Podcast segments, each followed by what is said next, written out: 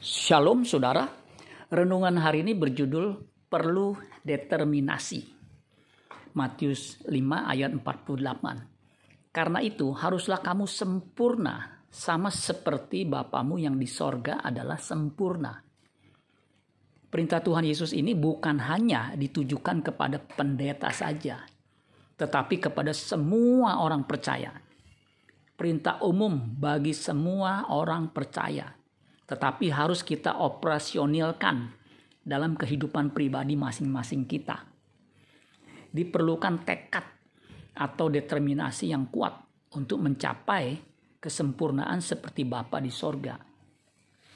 Menurut Frank, Francois Pienaar, salah satu kunci orang sukses dalam hidup ini adalah memiliki determinasi untuk menjadi sempurna seperti Bapa di sorga bukan saja sukar tapi mustahil. Tapi apa yang mustahil bagi manusia tidak mustahil bagi Allah.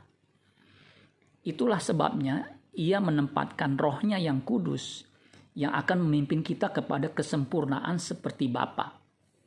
Untuk mencapainya kita harus mengimbanginya dengan tekad dan determinasi yang tinggi. Amin buat firman Tuhan. Tuhan Yesus memberkati. Sola Gracia.